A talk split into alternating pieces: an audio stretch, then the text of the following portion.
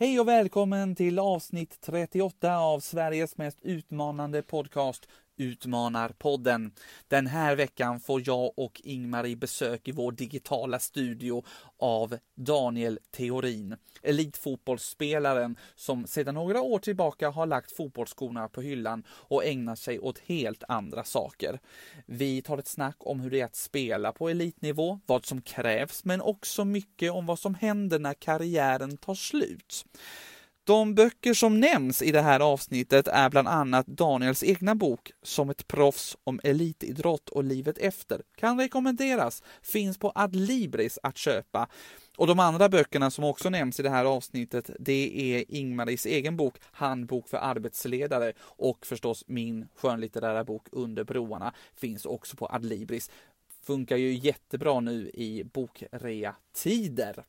Som sagt, du har hört det förr, jag säger det igen. Vi finns på LinkedIn, gå in där, få lite tips och tricks, få lite ord på vägen i din egna karriär. Inte minst det som Daniel själv säger i det här avsnittet. Nu tycker jag att vi rullar det här bandet. Välkommen till avsnitt 38 med mig Magnus Karlsson, ledarskapscoachen Ingmarie Rundvall och gästen Daniel Theorin.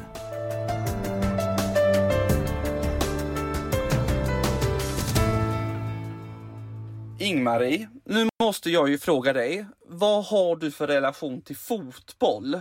Ja, men alltså jag tycker ju egentligen om rörelse och det får man väl ändå säga att det är lite på en fotbollsplan. Eh, sen har jag ju varit fotbollsmor eftersom jag är mor och ingen mamma så har jag ju varit en fotbollsmor och jag har stått väldigt mycket vid fotbollsplaner. Oftast har det varit lite jobbigt för det är alltid någon som har spelat lite väl rått Alltså lite väl för tufft. Och de har alltid hetat samma sak som jag i efternamn, så det har alltid varit lite jobbigt liksom. Alltså jag kan, inte, jag kan inte engelska serien eller vad det kan heta, ligan eller så. Nej, det kan jag inte. Vad kan du Magnus om fotboll? Eh, väldigt lite egentligen. Det jag har är, det jag minns är att min brorsa spelade fotboll ett litet tag.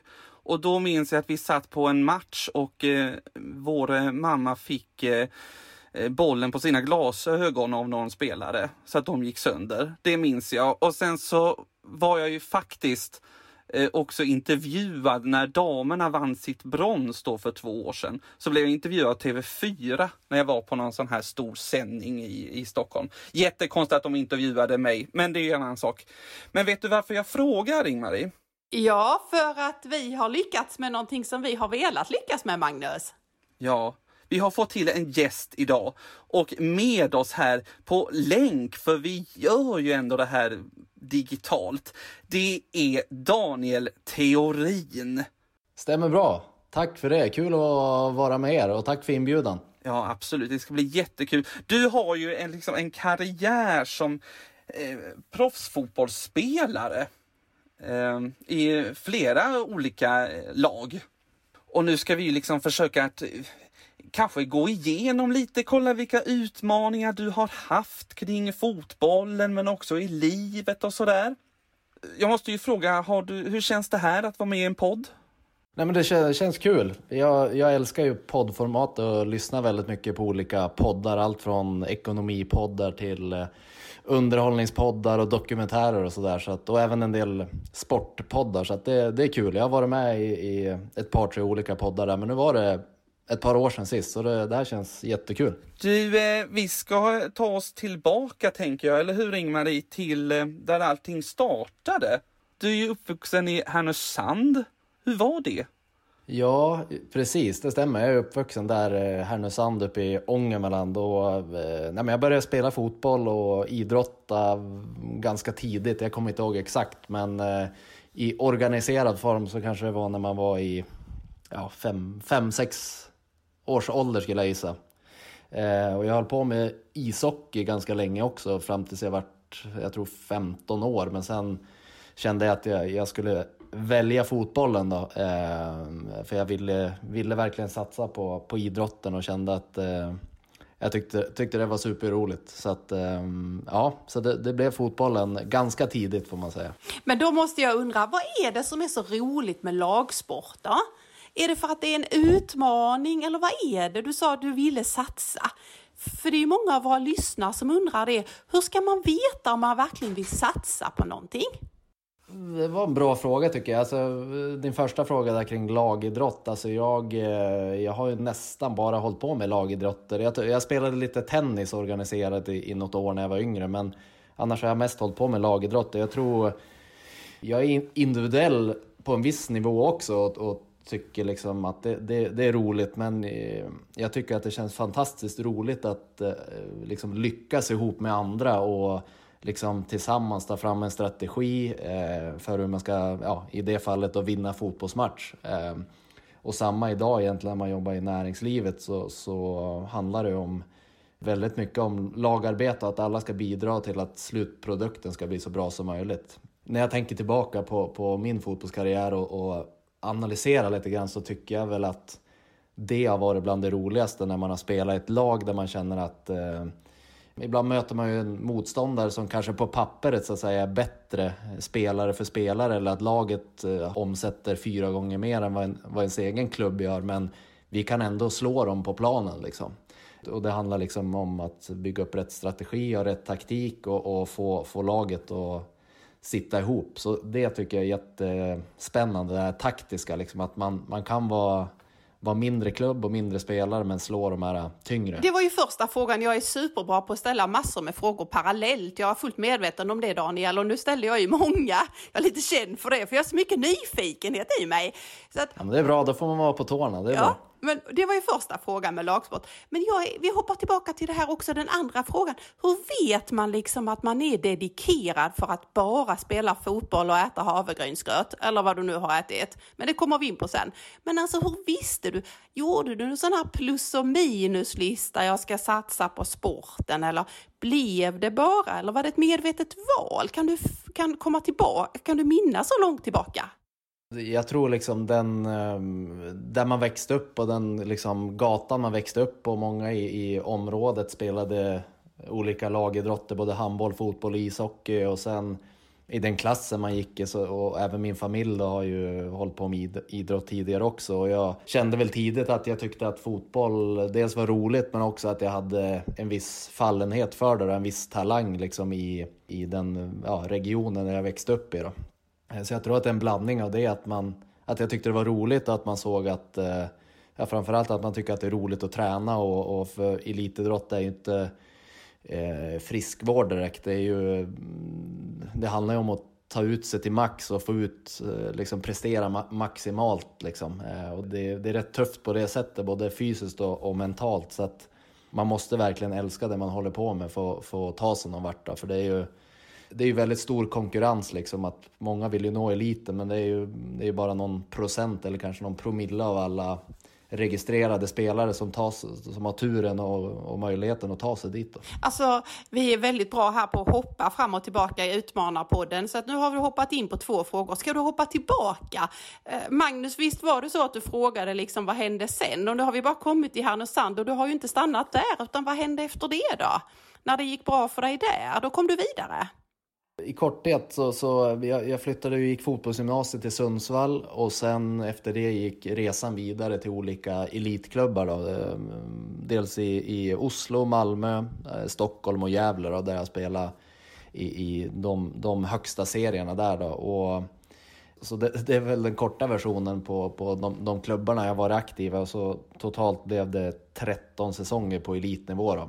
Eh, både i allsvenskan och superettan och olika Eh, Eh, Europacupkval och, och, eh, och så vidare. Så att eh, jag sätter min, min eh, talang eh, så, så, och de liksom eh, vad ska man säga, de möjligheterna som, som jag besitter fys, fys, på fysisk nivå är jag jättenöjd med, med dit jag kom med mitt fotbollsspelande. Eh, för jag var mer av en träningsprodukten en supertalang om man säger. Nu undrar jag bara lite nyfiken, nu är jag nyfiken igen här. Alltså var det meningen att du hoppade över vad alla lagen hette och så sa du liksom orterna istället? Eller du ville inte, är, är det så här lite, lite ödmjukt eller är det så man gör? Eller du vill inte säga vad alla klubbarna hette? Nej, jag tror jag, tror jag inte tänkte på det bara, men, men jag kan dra dem. Jag, mitt först, min första klubb på elitnivå hette eh, Friska Viljor faktiskt. Oj, det låter ju nästan som en sån här, det låter allt annat än ett Eh, ett proffslag om jag säger så. Ja, det, det var fa faktiskt en sån här eh, Åshöjden-saga. De gick från eh, division 6 till eh, superettan på sex säsonger, så de vann liksom varje serie varje år i sex år. Då, så att, eh, eh det var en sån här riktig saga. Men det var där liksom min elitkarriär började och sen gick den vidare till, eh, till Oslo och Lynn och sen vart eh, Malmö FF ett par säsonger. Eh, vidare till Gävle IF i Allsvenskan och även Hammarby i Stockholm då och eh, även Landskrona och Frej har jag spelat i också. Okej, okay. men Friska Viljor var liksom det första proffslaget om jag säger så. Jag, jag, spelade ju på heltid kan man säga, men, men eh, man blev ju inte eh, fet på, på den lönen så att säga, utan man eh, men, men jag spelade på heltid där, så första elitklubben om man säger. Nu heter vi ju Utmanarpodden, så Daniel kan du bara fundera på vad tyckte du var den största utmaningen när du hade ditt första elitkontrakt? Vad var utmaningen då? Bra fråga. Ja... Alltså jag tror ju det var att laga all maten och bre alla grova mackor själv, men det var kanske någonting annat? Det var det också, men jag hade lite tur för jag fick, jag, fick, jag hade en eh, så här, jag fick så matkuponger av en eh, stark man i klubben där på kansliet, så jag behövde inte laga så mycket mat själv, så jag var lite bortskämd. lite bortskämd redan då, men eh, Nej men det var väl mer att eh, se till att få komma in i laget och få spela. Jag var ganska ung då, jag var väl bara i ja, 20-årsåldern där. Så, så, så, komma in i, i laget och, och ko konkurrera och ta en plats, det är väl Eh, den största utmaningen egentligen. Allt runt om, alltså mm, hur man tar vara på kroppen och hur man eh, återhämtar sig, hur man äter och dricker rätt. Så att säga. Det, det hade jag ganska bra självförtroende i, för det vet jag att jag sköter det. Men, men det var just det att anpassa sig till högre tempo och tuffare spel och, och skickligare spelare helt enkelt. Både i sitt eget lag och på träningarna men också på, på matcherna. Så det, det var väl den största, största utmaningen tror jag eh, i stort. Jag är lite nyfiken på hur, hur ser en dag ut för dig när du, när du börjar spela det på heltid? det laget som jag började med min elitkarriär i, vi var, det var inte alla som var professionella i det laget. Så vi, vi, vi tränade faktiskt på sena eftermiddagar för att vissa hade deltidsjobb och så. Då, på dagtid. Men eh, då, mina dagar såg ut som så att vi, eh, ja, jag gjorde ju ingenting i stort sett fram tills träningarna började. Där vi, eh, Eh, ja, om det var tre, klockan tre eller fyra på eftermiddagen. Eh, vissa dagar tränade jag själv på morgonen, att jag gick, eh, gick iväg till gymmet så att jag tränade dubbla pass så att säga för att bli ännu bättre och ännu starkare. Eh, och vi hade några till i laget som också var heltidsproffs eh, då, som eh, vi brukade hänga ihop där. Så ibland, ibland tränade vi, ibland eh, kunde man ta sovmorgon eller vad man nu ville göra. Det var väl så dagarna såg ut, så man gick väl bara och inväntade träningen och sen var det hem och laga mat och sova och återhämta sig till nästa träningsdag så att säga. Som ett rullande schema liksom, bara som går på nästan. På ett sätt är det ett väldigt oglamoröst liv. Du lever ju liksom efter ganska inrutade dels tider, eh, spelschema, träningstider, tider när du ska äta och, och så vidare. Så det är ju... Kostschema och grejer, eller? Om man vill så kan man få hjälp av sånt. De flesta klubbarna har ju kostrådgivare och dietister kopplat till, klubb, till elitklubbarna som man kan få hjälp av om man antingen behöver få i sig en viss eh, ja, näringsämnen i kroppen eller har för låga nivåer eller om man har problem att kanske lägga på sig för mycket muskler eller lägga på sig eh, för mycket vikt kanske eller så, så kan man få stöd med det.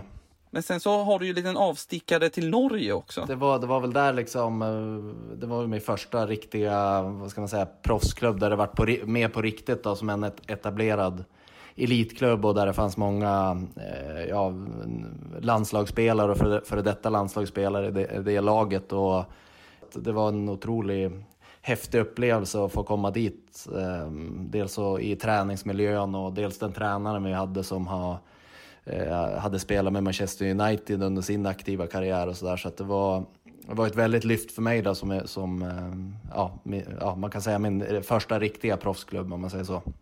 Eh, och där var jag i två, två år då innan jag fick ett erbjudande från Malmö FF. Då. Eh, valde jag att hoppa på det tåget och, och pröva där. Då. Var det någon av de alla gångerna som Malmö FF kom väldigt långt upp i tabellen som du var där eller?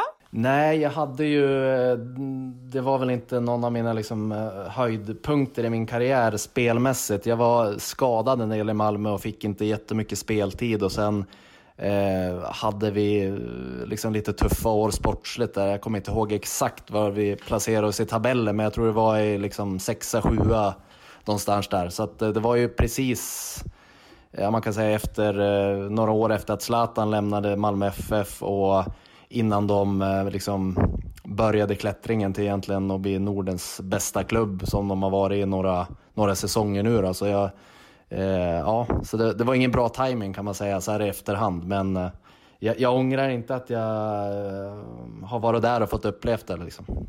Men var det någon skillnad att liksom lämna Norge och, och det elitspelandet där och sen komma till Malmö FF? Alltså sportsligt var det inte jättestor skillnad så, utan men det var ju mycket runt om eftersom Malmö är ju en av Nordens största klubbar och allt med supportrar och mm, mycket mer publik på matchen och ett större intresse från media och, och, och så vidare. Så att, eh, det märkte man ju av. Eh, men eh, sportsligt skilde det inte jättemycket.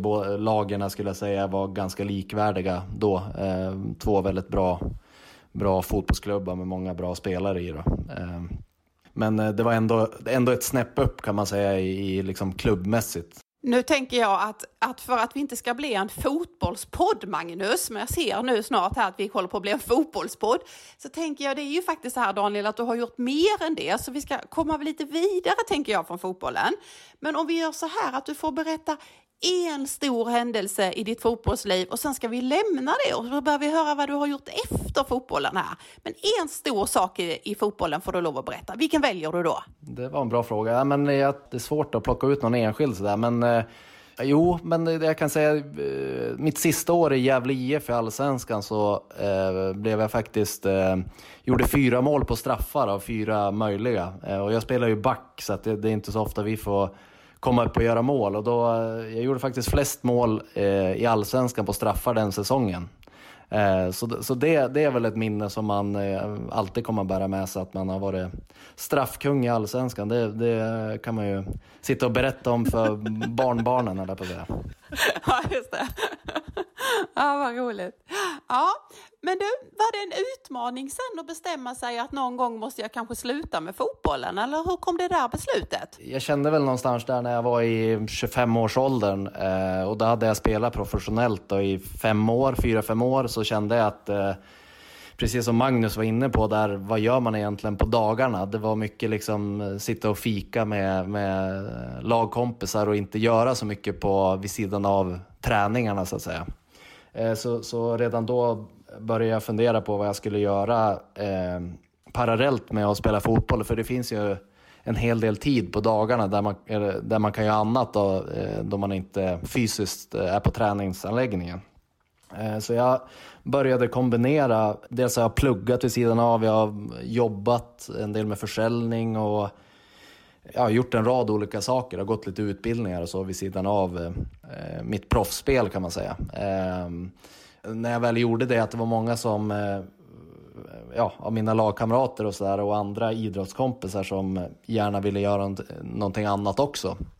Eh, men man kanske inte hade självförtroende att göra, göra andra saker utan man, man ville bara hålla på med sin elitidrott och kanske inte lägga tankar på vad som kommer sen. Då. Men jag, jag hade lite ångest över vad jag faktiskt skulle göra efter fotbollen och vad var jag bra på? Skulle jag verkligen brinna för någonting annat lika starkt som för, för fotbollen som, som egentligen är ett ja, fritidsintresse eller man ska säga, en hobby egentligen som, man kan, som jag har fått möjlighet att leva på. Då.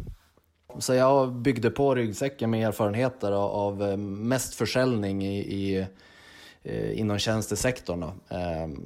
Um, dels under, under fotbollskarriären men sen när jag slutade med elitfotbollen för ungefär fem år sedan så har jag mestadels jobbat med försäljning i olika roller också. Då. Var det det du tänkte att du hade lite skills i?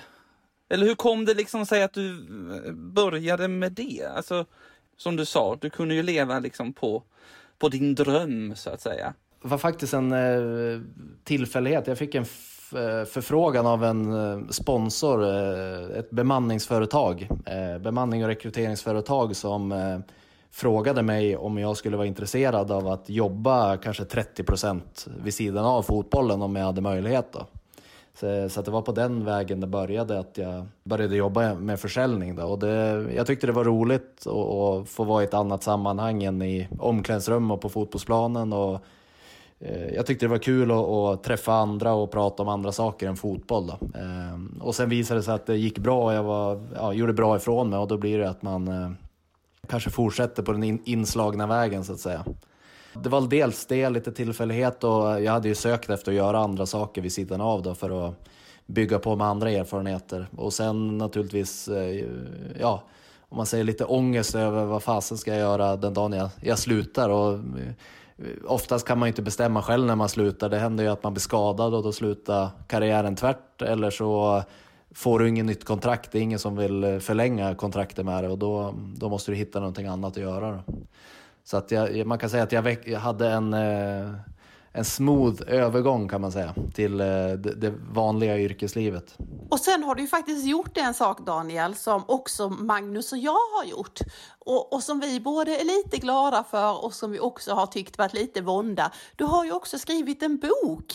Ja, det stämmer. Det, det, var ju faktiskt på samma, eh, precis som det var att prata om nu, att jag märkte ju där i, i alla, alla år som jag har gjort andra saker vid sidan av fotbollen så var det många som eh, eh idrottskollegor som intresserade sig och frågade, eh, som jag märkte också intresserade sig för andra saker. Eh, och sen när man läser mycket i tidningarna att folk har proffsidrottare får, får alla möjliga problem efter elitkarriären med, med allt från spelberoende till drogproblem och så vidare. Så Eh, kände jag att ja, men, eh, jag har ju massa tid över, jag har massa konta bra kontakter och jag har ett rejält driv. Så jag tänkte att ja, men, eh, jag ska se till att skriva en bok som underlättar för alla som är i dels samma situation som mig eller föräldrar till ungdomar till exempel som vill bli proffsidrottare eller alla som satsar mot det. Så man få lite tips och råd hur man ska tänka. Eh, för det är ju det är faktiskt inte alla elitidrottare som kan tjäna pengar på sin idrott heller. Det är ju rätt få, få förunnade att kunna göra det. Det, är ju, det finns ju liksom världsmästare och, och, i vissa idrotter som knappt tjänar en krona på sin idrott. Så att, eh, eh både fotbollsspelare, hockeyspelare och några idrotter till är ju privilegierade på det sättet att det finns ett kommersiellt intresse och, och en stor publik då, som gör att man kan, kan leva på sin hobby. Men jag ville, jag ville ta fram en bok för att hjälpa och stötta alla. Då, så att, eh... Och nu har vi ju en jätteviktig fråga, för din bok heter ju så här. Som ett proffs om elitidrott och livet efter. Alltså den var ju lite snitsig den rubriken, livet efter. Den kändes ju lite så här, oj oj oj. Ja, det är så. Som ett proffs om elitidrott och livet efter. Och nu är det ju så att om inte du har hunnit lyssna på alla våra avsnitt så är det ju att jag och Magnus har haft lite vånda inför våra, vårt bokskrivande. Vi har ju gett ut var om helt olika saker och nu är både Magnus och jag på väg att göra bok nummer två. Också helt olika saker men i alla fall. Vi tycker det är lite vånda. Hur gick det för dig att skriva boken? Alltså du får inte berätta om boken, du ska bara skriva hur var det att skriva om boken? Ja, jag förstår. Nej, men, eh jag gjorde faktiskt som så att jag eh, sålde in själva bokkonceptet och idén om boken till eh, några olika förlag. Och eh, all, tre förlag nappade och jag valde att gå vidare med ett av förlagen. Och då fick jag ett förskott på ja, förskottsroyalty kan man säga. Och jag använde dem, alla de pengarna till att kontraktera en eh, frilansjournalist som hjälpte mig med själva hantverket, själva skrivandet eftersom jag inte är en eh, skribent eller författare. Så jag gjorde så att vi delade upp det, att jag står för, eh, eftersom boken då bygger på intervjuer med cirka 25-30 elitidrottare och experter på olika områden som är kopplat till idrott. Då hade jag hand om den delen, alltså kontakterna, boka upp möten, intervjua dem och så vidare och hur boken skulle vara upplagd. Så man kan säga att jag stod för strategin och eh, min eh, författarkollega stod för själva hantverket, skrivandet. Då. Jag tycker att det var ett väldigt, även fast det var otroligt mycket jobb, eh, mer än vad jag hade kunnat föreställt mig att göra en bok, eh, så, så tycker jag att det var ett bra upplägg då, att man får liksom fokusera på det man är bra på eh, och, och eh, ja, göra ett lagarbete av det helt enkelt. Skulle du kunna göra det igen? Ja, det skulle jag kunna tänka mig om jag eh, hittar en, liksom en idé som jag går igång på och eh, gärna som jag kan göra ihop med någon annan. Jag gillar att jobba ihop med andra så man får, får lite dynamik och eh, ja, men liksom fira segrar ihop och eh, ja, ta förluster ihop också så att säga. Ja, det är den här lagkänslan igen som, som kommer tillbaka. Jag tycker det är roligt att och liksom känna, känna tillhörighet med andra och, och, få jobba ihop med andra. Jag tycker det är otroligt tillfredsställande och liksom ta, ta vara på varandras eh, styrkor så att säga. Om man läser den här eh, boken så har, så, som du sa, du har ju träffat flera elitidrottare och experter inom det, alltså bland annat Lars Frölander och Anette Nordberg och Magdalena Forsberg och ja, flera andra. Eh, är det liksom någon speciell som har stannat kvar? Magnus! Ja. Jag var helt säker på att du inte skulle säga Ronny Hellström. För när jag läste om Ronny Hellström så tänkte jag, då kan inte Magnus ha varit född, tänkte jag. så jag tänkte det, nu hörde jag att du sa sådana som du kom ihåg. Alltså jag kommer ihåg Ronny Hellström. Jag tyckte han till och med var lite snygg, vet du. Så gammal är jag, Magnus. Nej, men det, det var en tanke bakom det faktiskt. Jag ville att det skulle vara med, alltså att det skulle vara representativt, både liksom eh, ganska bra viktad fördelning mellan kvinnor och män, olika idrotter, socioekonomisk bakgrund, eh, ålder och så vidare. Så att, eh, så att det finns någonting för alla. Så, eh, och det har, du, också... det har du ju lyckats med bevisligen då. ja, men det är kul att höra. Du har ju intervjuat de här människorna. Alltså, är det någon speciell som har liksom stannat kvar som du själv kan liksom lite känna igen dig i?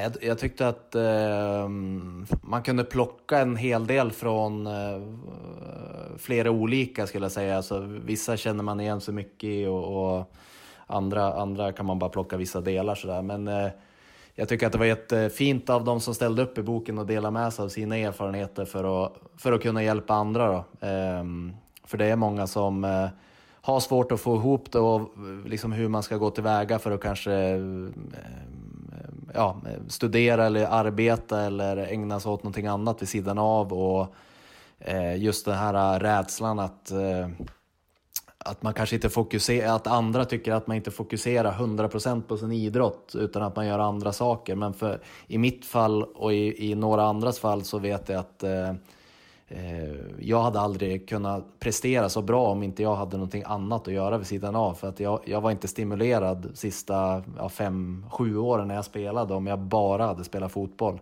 Jag kände att jag, jag ville lära mig andra saker och vara i andra miljöer och få, eh, få en annan stimulans helt enkelt. Och, och, och det gjorde att jag blev mycket bättre idrottsman och, och att jag var mer liksom i balans i livet. Eh, så det, det, kan jag rekommendera till alla som elitsatsar. Det, man, man ska inte liksom lägga alla ägg i samma korg. Eller snarare att man kan lägga alla ägg i samma korg men att man, man bör kunna göra andra saker också. Det, det gynnar, gynnar bara idrotten. Liksom. Nu blev du en riktigt bra gäst här i Utmanarpodden, för nu gjorde du så som jag brukar göra, att du undvek Magnus fråga. Alltså Magnus fråga var att han ska tvinga dig till att säga något citat eller någon av alla de här du har intervjuat som faktiskt har haft en sportkarriär och sen har efter. Och så sa du, ja man kan ta lite från alla, ja men det var trevligt och de var bra. Nej, nej, nej, Magnus kommer inte ge sig nu Daniel. Jag gled undan fint här. Ja. Jag... Ja, du gled ur kan man säga. Du gled ur bilder, så kom tillbaka då. Säg någonting. Alltså dels är det ju riktigt duktiga atleter som du har pratat med. Och säg någonting. Ja, men alltså jag har ju... Eh, jag, nu kommer jag inte ihåg exakt vad alla har sagt naturligtvis, så kan jag inte citera någon, men jag, eh, jag har för mig att eh, Magdalena Forsberg tyckte jag var väldigt klok i det hon sa. Nu kommer jag som sagt inte ihåg i detalj vad hon sa, men hon Eh, jag tycker hon redogjorde bra och ett bra eh, föredöme där. Eh, så, men, men som sagt, jag har inget, jag har inget citat. Det jag menar jag inte fram. heller Daniel, att du skulle ha citat, men jag menar mer en människa som ändå satte spår hos dig. Och nu fattar inte du hur rolig jag var va? För visst är det så att Magdalena Forsberg också är med På spåret? Så nu var jag lite roligt när jag sa att hon satte spår hos dig. Alltså Magnus, då sådana som du brukar göra. Förstår ni inte hur rolig jag var nu alltså? Men hon har ju också åkt i spåren, så det var ju jätteperfekt på alla sätt och vis. Verkligen, vilken övergång. Men det var ju faktiskt så till lyssnarna här att när vi pratade precis innan vi skulle spela in så gav du ju faktiskt Daniel att om du gled in bort från en fråga så fick vi komma tillbaka och grilla det lite. Så jag tänkte, ja, då gör vi väl det då. Du fick du, du har du liksom Utmanarpodden. Då pratar vi om den utmaningen när du valde att som väldigt ung kille liksom satsa på fotbollen. Du, du blev inte handboll, det blev inte ishockey, du valde eh, fotbollen där i Härnösand. Sen blev det en utmaning att vara en heltids eh, fotbollsspelare. Sen var det en utmaning när du insåg att du, kanske som inte riktigt alla andra gör, att du både behövde stimulera lite hjärna och hjärta samtidigt som fötterna och kroppen spelade. De åren, de har du pratat en del om. Men var det ingen utmaning för dig den dagen som kroppen sa att nu ska du inte spela eller du sa det? Var, var det en utmaning? Det här som du ändå har i din bok om livet efter. Hur såg de där dagarna ut? Eh, var det utmanande beslut där? Ja men absolut att det var utmanande, men jag hade ju jag tror det var delvis det som hjälpte mig mycket, att jag hade ju haft ena foten i ett annat liv så att säga under flera år där jag jobbade vid sidan av elitidrotten. Då. Eh, så det hjälpte ju till naturligtvis. Och sen, eh, men om man säger min sista säsong på elitnivå, då var jag mest eh, skadad och fick köra rehabträning och sådär. Så att det vart det vart ett ganska naturligt beslut att lägga av efter den säsongen. Jag kände att min, min kropp håller inte för att träna på den här nivån längre. Det, det, det håller inte liksom. Och spe, speciellt med de kraven jag ställer på mig själv, vilken, vilken nivå man vill hålla. Det, eh, det hade aldrig fungerat. Så då kände jag att då är det bättre att eh, lägga av istället för att klamra sig fast vid något sista kontrakt eller sådär. Med elitfotbollen eller alla elitidrotter måste du nog vara beredd att flytta på det för att få ett kontrakt och jag var inte beredd att flytta ännu en gång. Då, utan jag hade väl gjort en 5-6 flyttar på kanske 12-13 år och det är ganska mycket. Eh, Slita upp och flytta så jag kände att jag, nej, jag är färdig med det här livet. Så jag var, jag var ganska klar med fotbollen på det sättet. Då. Eh, så jag kände mig redo för att eh, ta mig an andra utmaningar på andra arenor i livet så att säga. Det är ju så himla spännande för man säger ju ofta det att ni som har varit i den här eh, lagsporten och så, ni tar med er jättemycket av det tänket in i arbetslivet. Och det var ju så roligt för när du började att prata med dig idag så var det precis det du sa. Du började där liksom att fundera över, ja men jag tänker lagsport och jag tog med mig det in i näringslivet där jag är nu och så. Är det så här att du verkligen kan se de parallellerna är det, eller är det bara ledarskapsböcker som pratar om de parallellerna? Nej, men det, jag, jag tror att det är lite kopplat till vilken, vilket yrke man har eller vilken bransch man är. Om man tittar, jag har ju jobbat ja, ungefär tio år nu med försäljning på olika positioner eh, och jag, där finns det ju jättestarka kopplingar, alltså hur man jobbar medvetet mot ett bestämt mål, alltså om det nu är budgetmål eller olika KPI för att, för att ta bolaget framåt eller ett visst affärsområde framåt. Eh, och även det här, eh, det som jag kanske tycker att jag har haft mest nytta av, eh, som jag ser nu men som jag inte såg tidigare, det är väl att när det är lite motgångar i, i eh, yrkeslivet, för det kommer ju att man, eh, ja, inte, som i mitt fall då, inte vinner en affär eller man, en, de väljer en konkurrent eller vad det kan vara, så att man lär sig att gå vidare från det, alltså att, att tänka framåt och se vad man kan påverka. Då. För så är det ju mycket i idrotten, liksom att du, du, kommer, du kommer förlora och du kommer skada dig, utan det, det, är ju hur du tar dig vidare från det som, som eh, kommer avgöra hur du lyckas framöver. Så att man får inte fastna i saker utan det handlar ju om att hela tiden eh, ja, hoppa upp på hästen igen och, och glömma det som har varit och, och nöta, ha lite guldfiskminne så att säga. Men hur eh, ser livet ut idag då? Eh, ja men idag så, ja, jag bor ju här i Gävle med, med min familj, eh, sambo och en eh, dotter på eh, ja, drygt sju månader. Eh, jag är, eh, jobbar som kontorschef och försäljningsansvarig på ett IT-konsultbolag som heter Consid. Eh, och för tillfället så jobbar jag 50% och är pappaledig på 50%. Eh, så det, det är så mina dagar och veckor ser ut just nu. Då. Så jag, jag, jag försöker blanda upp eh, jobb och familjeliv med lite eh, träning och eh, ja, det är väl så, så veckorna ser ut då. Och följer fotboll på tv eller? Ja, väldigt mycket. Nu är det ju lite off-season här i Sverige, men jag, jag eh, tittar väldigt mycket allsvenskan och lite superettan och sådär. Eh, inte jättemycket internationell fotboll, men eh, eh, mycket fotboll i Sverige och följer även Gävle IF och ja, mycket Hammarby och Malmö, alltså de klubbar jag har spelat i. Då. Um, och landslagsfotboll följer jag också en del. Och så. Det, det är ju ungefär 100% mer fotboll än vad jag följer på tv, så det, det, är ju jättebra. ja, men, ja, men jag ska ta med dig på någon eh, tv-match någon gång. För du. Ja, kan du inte göra det? Det hade varit roligt. Jag gick nämligen på ishockey för något år sedan för första gången i mitt liv. Det tyckte jag var roligt. Man blir ju liksom med i, i spelet man väl sitter där på läktaren. Så ta gärna med mig på en fotbollsmatch så kommer det säkert bli jättebra. Jag kommer bli så intresserad efter det Daniel. Ja men verkligen, ja men det ska jag göra. Men vet du vad, nu, nu, nu bjöd du på en ny övergång här som jag måste fråga. Jag som eh, själv har en väldigt stor familj undrar vilken stor utmaning var det att bli förälder då? Det är ett sidospår men jag tycker det är så intressant. Nu har jag ju bara varit pappa sju månader eller på att säga, men eh, jag, eh, nej men jag tycker det har gått jättebra. Alltså, mm, jag har liksom inge, ingen, ingenting att klaga på än så länge. Eh, hon är väldigt lättsam att ha att göra med och eh, hon är ju i den åldern då, det, då det, hon liksom, vad ska man säga, små barn, små problem brukar man säga och större barn, större problem. Eh, så att, eh, nej men det bara, känns bara roligt och det här upplägget med att vara, ha möjligheten att få vara pappaledig på 50% och jobba 50% tycker jag är jätte, jätteroligt att få umgås och bonda ännu mer med henne och samtidigt som man behåller ett ben i, i, i arbetet. Alltså det, mm, jag är väldigt tacksam för det. Ja, härligt man måste ju också återkoppla till dig Daniel, att antingen är det för att du väljer nu att vara med i Utmanarpodden eller är du sån alltid, för du har ju en oerhört positiv livssyn.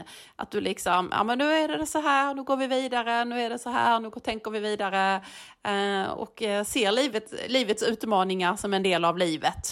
Ja, jag, jag försöker ha det. det. det. är inte alltid jag lyckas ska jag säga, eh, men det, jag tycker att jag det är väl en av mina styrkor och vara även som fotbolls eller som idrottsman då, att man, eh, att man har det tänket och försöker få med andra. Och det är ju lite grann som ni är inne på när det gäller ledarskap, att kan man, kan man liksom leda sig själv och eh, vara duktig på de bitarna, då får man ofta med sig folk runt omkring sig och sådär. Så att, eh, Eh, ja, men jag tror att det är en viktig nyckel och det är ingenting man eh, föds med, utan det är något man får träna på. Eh, att liksom intala sig själv och ja, verkligen träna på det. Magnus, vi försöker ju faktiskt att inte ha världens längsta avsnitt. Det var ju jätteroligt att ha Daniel här men, och du kan ju fråga hur mycket som helst. Men om jag säger att du får ställa en sista fråga och sen ska vi börja summera lite. Vad tänker du då? Vad tänker du säga då Magnus? Eller fråga?